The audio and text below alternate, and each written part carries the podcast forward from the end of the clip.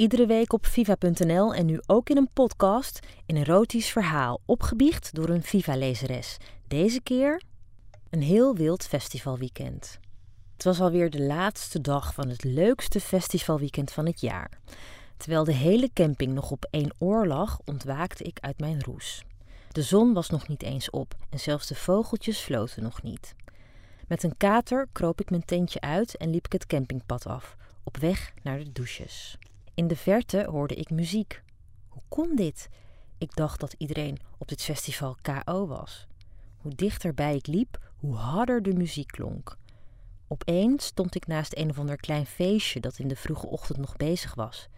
Er stonden ongeveer tien mensen die helemaal in hun eigen wereld zaten. Iedereen stond nog te spacen en droeg een gekleurde zonnebril. Ze zagen mij en vroegen of ik erbij wilde komen. Er schoot een kleine twijfel door me heen, maar ach, eventjes een klein feestje meepakken, dat kan geen kwaad, toch? Een knappe guy gaf me ook zo'n gekleurde bril en daagde me uit voor een dansje. Hij had zijn donkere haren in een knotje en droeg niets anders dan een blauwe zwembroek en had net zoals de rest die ene felgekleurde zonnebril op.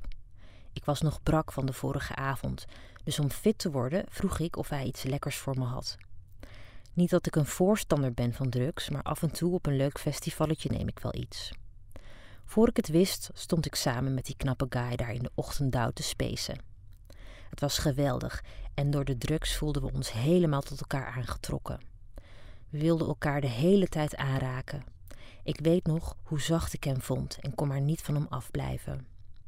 We besloten om op het strandje samen de zonsopgang te gaan bekijken.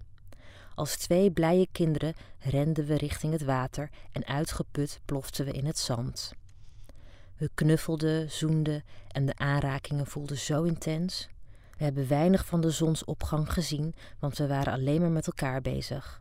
Ik werd zo opgewonden van hem. Of kwam het door de drugs? Ik weet het niet, maar wat ik nog wel weet is dat ik hem wilde. Heel graag. We gingen helemaal in elkaar op, totdat ook de rest van het festival ontwaakte. Vaarwel privacy.